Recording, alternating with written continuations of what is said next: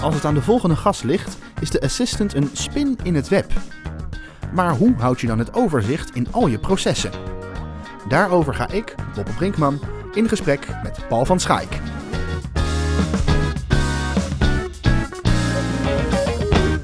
Paul, welkom. Dank. Leuk dat je er bent. Jij noemt assistenten een, een spin in het web. Ja, Waarom?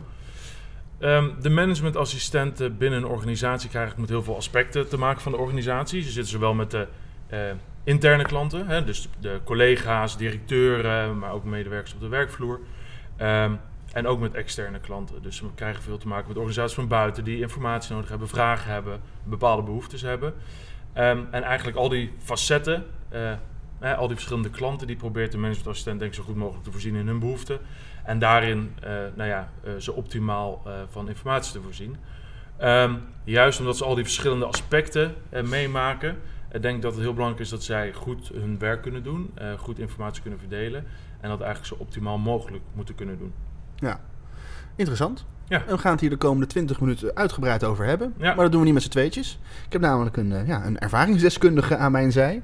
Misschien zelf wel een spin in het web. Simone van Gerwen, welkom. Dankjewel. Ja, voel, je- voel jij je een spin in het web? Voel jij eh, dat? dat? Ehm, eh, ja, al krijg ik zelf altijd een beetje kriebels van de, van de uitdrukking. Je komt hem in elke vacature tekst Mhm. en in elke sollicitatiebrief eh, tegen. Ik zie, het, ik zie het meer als een, iemand die in een strategische positie alles kan overzien, goed luistert en snel Ja. kan eh, eh, reageren op eh, ontwikkelingen. En dan zie ik mezelf inderdaad wel als spin in het web, ja. Ja. Dat lijkt me ook wel een nadeel, want je wordt constant heel de dag door van alle kanten, hè, van alle takjes van een spinnenweb, word je benaderd. En hoe kun je dan nog focussen, Simone? Ehm, nou, ik kan me eigenlijk heel goed focussen. Ik denk dat het ook wel een beetje afhankelijk is van waar je zit en wat je functie is. Maar in mijn functie als directiesecretaresse eh, is die informatiestroom wat minder heftig misschien dan, eh, dan bij een ander bedrijf. Eh, het is gewoon een kwestie van eh, goed filteren. En ook wel eens Goed nee, filteren. Goed filteren en ook Ja. wel eens nee kunnen zeggen. Ja, dat is zeker voor heel veel wel een uitdaging. Het nee kunnen zeggen. Ja? Ja. Waarom is dat zo'n uitdaging? Ehm, nou, je ziet toch wel dat als je in een eh, rol zit, volgens mij, waar veel gebeurt, waar veel informatie eh, langs gaat, eh, veel mensen eh, voorziet van informatie, veel gebeurt, veel mails eh, moet verwerken, ehm, dat je eh, toch wel gestructureerd moet werken. Als je goed gestructureerd werkt, dat je het overzicht hebt van wat gebeurt er nou. Hè? Vaak krijg je er dingen bij, maar de tijd die je daarvoor hebt, wordt niet meer. Nee. Hè? Dus je moet meer dingen gaan doen in dezelfde tijd. Ehm, dus ik denk door het nee te zeggen, eh, hè, je soms wat gestructureerd kan werken. Of dat je ervoor kan zorgen dat je niet continu gestoord wordt in je werk. Dat is iets wat heel veel gebeurt volgens mij. Eh, wat ik ook uit de trainingservaring hoor van andere mensen. Hè, dat je zeggen van ja, er komen continu mensen binnenlopen, er worden continu dingen gevraagd, eh, je wordt continu onderbroken in je werk. Hè, dus door juist eens een keer nee te zeggen, je ergens echt op te focussen, eh, kan je vervolgens volgens mij ook weer daar aan diegene die een vraag heeft, weer je aandacht Ja. besteden.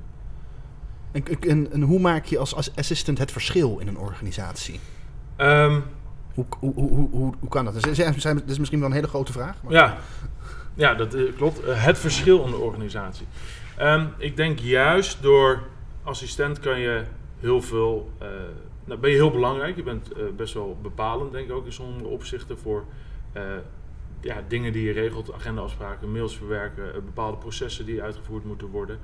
Ehm, ik denk juist door assistenten kan je het verschil maken door gestructureerd te werken, door goed kwaliteit te leveren, door goed inzichtelijk te hebben wat je eigen werkprocessen inhouden, eh, dat je daardoor meer kan leveren aan al die verschillende klanten die daar behoefte aan hebben. Dus zowel ja, management, zowel externe klanten. Ja. Eh, ik denk dat je daar wel echt een verschil in kan maken. Dus het gestructureerd werken is eigenlijk wel de key. Ja, daar zit wel veel in, maar ook inzicht hebben in je processen. Waarom doe ik iets? Hoezo gebeurt iets op een bepaalde manier? Eh, wat is de gedachte daar anders, daar, daarachter? Hè, waarom moeten we eerst deze stappen uitvoeren voordat iets gebeurt? Wat voor controles voer ik uit in mijn werk? Waarom zitten die Ja. er? Dus hè, ja, eh, voornamelijk het inzicht hebben in wat doe ik eigenlijk en waarom doe ik het? Wat is de gedachte daarachter? Ehm, zie je dat eh, daar veel meer structuur in kan komen. Want vaak zie je dat als mensen in het dagelijks werk gewoon geleefd worden of in de waan van de dag zitten en het werk uitvoeren omdat het altijd zo gebeurt of omdat het altijd zo is gegaan of omdat ze daaraan gewend zijn. Hoe voorkom je dat je in zo'n waan van de dag komt? Hoe voorkom je die sleur? Want iedereen, het gebeurt volgens mij vanzelf. Ja, eh, bewust stilstaan bij wat het werk is wat je doet. Hè, dus welk werk voer ik uit? Eh, hoe ziet dat proces eruit? Vaak zijn mensen eh, eh, werken vanuit hè, het dagelijks werk. We weten wat we doen, we weten waarom we het moeten doen, we weten hoe we het doen. Maar waarom doen we het eigenlijk zo? Wat is de gedachte daarachter? En doe ik eigenlijk wel echt wat er gevraagd wordt of waar de behoefte aan is? Moet je, dat, moet je dat bij elk puntje moet je daarbij stilstaan? Ik denk voornamelijk met de grote punten waar je een bepaald onderbuikgevoel hebt, dat het niet helemaal lekker loopt. Hè. Het onderbuikgevoel zegt altijd al heel veel. Hè. Dat is echt wel een goed gevoel over bepaalde processen die wel of niet goed lopen. Eh, ik denk dan eerst bij dat onderbuikgevoel van oké, waar irriteer ik me aan, waar erg ik me aan? Wat vind ik heel erg omslachtig? Wat vind ik dat heel erg fout gaat? Wat kost enorm veel moeite? Wat zou misschien slimmer kunnen? Door op die manier naar processen te kijken, ehm, kan je daar dus een andere draai aan geven. Ja. Kan je dus daar stil bij gaan staan en dus eens gaan, goed gaan nadenken van waardoor ontstaat het nou? Wat is nou de oorzaak van het probleem wat ik ervaar? Ja. En die oorzaak gaan oplossen. Ehm, dus dat is het belangrijkste. Stilstaan bij wat je doet en waarom je het doet en wat de gedachte daarachter is. Simone, hoe zit het met jouw onderbuikgevoel op, op, op, op, het, eh, op de werkplek? Eh, ik denk dat mijn onderbuikgevoel eh, niet alleen op de werkplek wel goed werkt, maar altijd wel. Oh, gelukkig. Maar ehm, nee, maar ik kan me daar wel in vinden. Wij stellen eh, onszelf eh, vaak bij ons op kantoor dan vaak de vraag: moet ik het wel doen? En dan kun je bijna op elk woord in die zin de nadruk leggen. Moet ik het wel doen? Moet ik het wel doen? Moet ik het wel doen? Hè? Of moet Ja. ik het nu wel doen? Ja. Ehm, dat is eigenlijk altijd wel een vraag. En vaak zijn natuurlijk gewoon dingen die je moet doen, dat weet je. Maar wij ehm, werken met een bepaalde go-principe, dus een soort van time management. Ehm, dat is heel gestructureerd, heel gestructureerd werken. Dus wij eh, Voor de vragen luisteraar die niet weet wat een Go-principe is, kun je dat misschien... get organized. Dat is een, eh, een soort van time management. Ehm, dus wij werken dusdanig gestructureerd dat we eigenlijk altijd precies weten wat we wanneer gaan doen. Dus prioriteiten leggen. Ook, die kunnen ook verschuiven overigens. Maar, ehm, en wij denken altijd na over, moeten wij het wel doen? Moet Ja. ik het wel doen? En, En moet ik het nu wel doen? Ja, en als je het moet doen, hoe kunnen we het dan Ja, het beste het doen? beste en dat doen. zie je vaak, dat hè, mensen gaan aan de slag, mensen gaan dingen doen, maar je staat nooit eigenlijk stil bij hoe of het waarom. Hè? Die vraag, waarom doe ik het eigenlijk Ja. zo? Waarom is dit de juiste manier? Door juist die vraag te stellen, eh, kan je eens gaan kijken naar je processen. Maar het belangrijkste daarvoor is eerst tijd maken hè, en er bewust van zijn dat er iets is en dan gaan kijken hoe, ik het kan op, hoe je het op kan gaan lossen. Ja. Wordt een assistent soms onderschat dan misschien? In welk opzicht onderschat? Op, op- misschien op het gebied van... Oh, dat, doet- dat doet zij wel even, of doet hij, dat doet hij wel eventjes. Dat, Ja, dat het weet, een soort weet- ma- makkelijk... eh, Ik weet niet of het onderschat is op die manier, maar dat, het, hè, dat vaak dingen worden overgedragen Ja. of dat er dingen worden neergelegd van, oh ja, ik heb hier geen tijd voor, kan jij het even doen? ja. Ehm, dat vind ik lastig om te zeggen, of dat onderschat wordt. Ik denk wel vaak dat het als oplossing wordt gezien. We, we, lopen ergens tegenaan, er moet iets gerecht worden, oh doe jij het maar even. Ja. Misschien is dat nieuw of misschien gebeurt dat vaker. Eh, daar is het denk ik ook wel een verschil wanneer iets gebeurt. Hè? Ja. Gebeurt iets van, oké, je krijgt iets, dit moet eh, over een tijdje af zijn. Of je krijgt iets en het moet eigenlijk gisteren af zijn. Ja.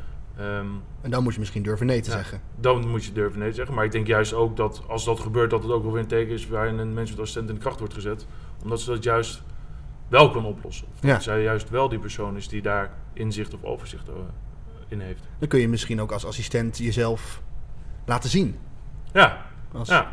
Maar ik denk ook als managementassistent, ja, je kan je laten zien. Hè, je kan daar eh, natuurlijk in je kracht staan. Maar ik denk ook als, als managementassistent kan je heel goed laten zien ehm, wat er binnen een organisatie speelt. Eh, je hebt met veel verschillende facetten te maken. Je hebt niet alleen met een bepaalde afdeling te maken. Je hebt met heel veel verschillende dingen te maken.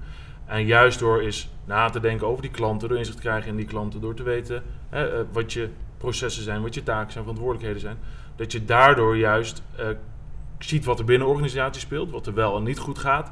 eh, en dat je vanuit daaruit juist in je kracht kan gaan staan om aan te geven, ook bij een directie of bij, ja, bij een directie of bij het management, wat er beter kan binnen Ja. organisatie, wat er anders kan binnen organisaties. Dus eigenlijk zou de assistent nog meer moeten in worden, in worden gezet. Ja, ik denk dat. Omdat zij, hij of zij gewoon eigenlijk heel veel weet, stiekem. Ja, ja, ik denk dat juist daar een managementassistent in zijn kracht gezet moet worden. En niet voor het oplossen van problemen, ja, af en toe wel. Nee. Maar juist door inzicht wat ze, hij of zij heeft binnen een organisatie in de kracht wordt gezet om mee te denken over wat mogelijk is. Maar hoe zouden we die problemen dan anders moeten oplossen? Kunnen we dan kijken naar robots of zo? Of? Ehm, het ligt een beetje aan wat de problemen zijn. Ik denk dat je begin is, eh, waar je mee moet beginnen, is wat zijn eigenlijk nou, die taken en verantwoordelijkheden van de mensassistent en welke processen eh, zijn ze voor verantwoordelijk en hoe zitten die processen in elkaar. Een stukje procesdenken, hè? Hoe, hoe is de volgordelijkheid, wat, wat gebeurt, wat gaat er goed, wat gaat er fout, hoe vaak gaat het fout, Eh, hoe lang ben ik ergens mee bezig.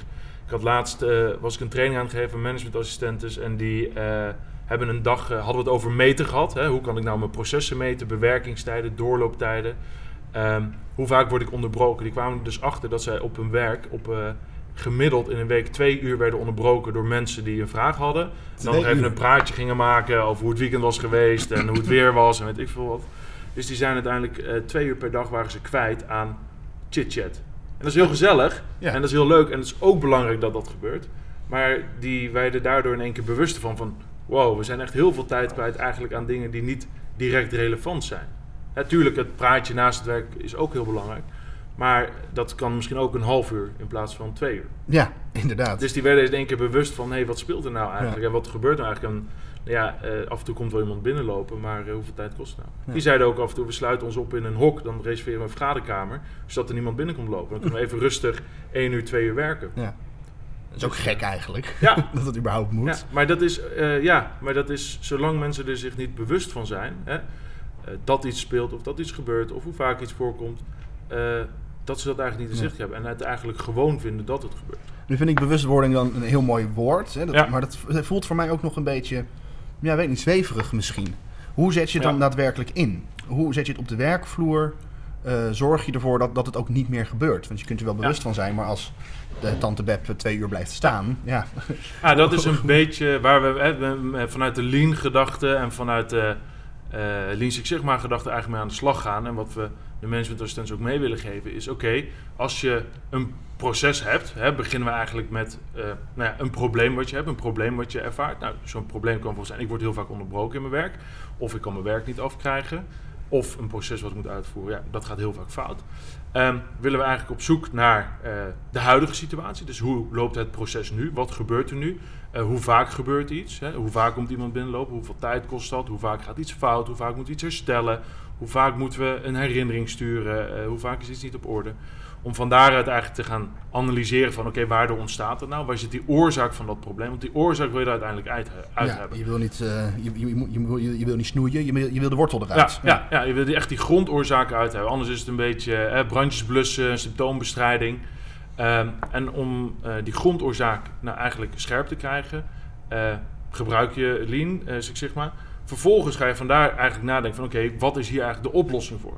Dus je gaat gewoon met de mensen samen zitten vanuit het werkproces. De mensen die gewoon op de werkvloer zitten, ga je nadenken oké, als het probleem is we worden te veel onderbroken. Ja, wat is daar een goede oplossing voor? Hoe kunnen we dat dan gaan inrichten? Nou, en daar moet je dan uiteindelijk een oplossing voor verzinnen. Ja. En dat zijn oplossingen die misschien niet altijd optimaal zijn, die je van daaruit weer verder gaat verbeteren. Ja. Eh, dat zijn oplossingen die misschien wel werken, wat je binnen de organisatie moet delen. Eh, maar op die manier sta je erbij stil en ga je kijken, kunnen we die grondoorzaak ook daadwerkelijk eruit halen, Ja. zodat we daar geen last meer van hebben. Heb je een voorbeeld van zo'n oplossing? Ehm, een oplossing, even denken hoor. Ehm, Als we, dit, als we dit concrete voorbeeld van eh, de twee uur eventjes eh, behouden. Nou ja, wat een concrete oplossing is, zou kunnen zijn, is dat je zegt: Oké, we hebben een vragenuurtje. Of we zeggen: we, worden, hè, we willen niet gestoord worden tussen 8 uur s morgens en 10 uur s morgens. Hè, zodat we eerst ons werk kunnen doen. Eh, daarna kunnen we vragen hebben. Je kan altijd het onderscheid maken. Of je kan kijken van: Oké, eh, als iemand mij wil onderbreken, kan je het dan op de mail zetten. kom ik er later op terug. Eh, eventueel, je hebt ook wel eens bakjes waar je vragen in kan leggen. Mensen dingen neer kan leggen die later opgepakt kunnen worden. Maar, hè, en dat is misschien wat jij ook zegt, hè, die structuur aanbrengen. Wanneer doe ik wat? Wanneer zorg ik dat ik wat afwerk? Ja. om ervoor te zorgen dat je niet onderbroken wordt. Dus er zijn, er zijn legio mogelijkheden. Het is maar net wat binnen de organisatie binnen de cultuur past. Ja, precies.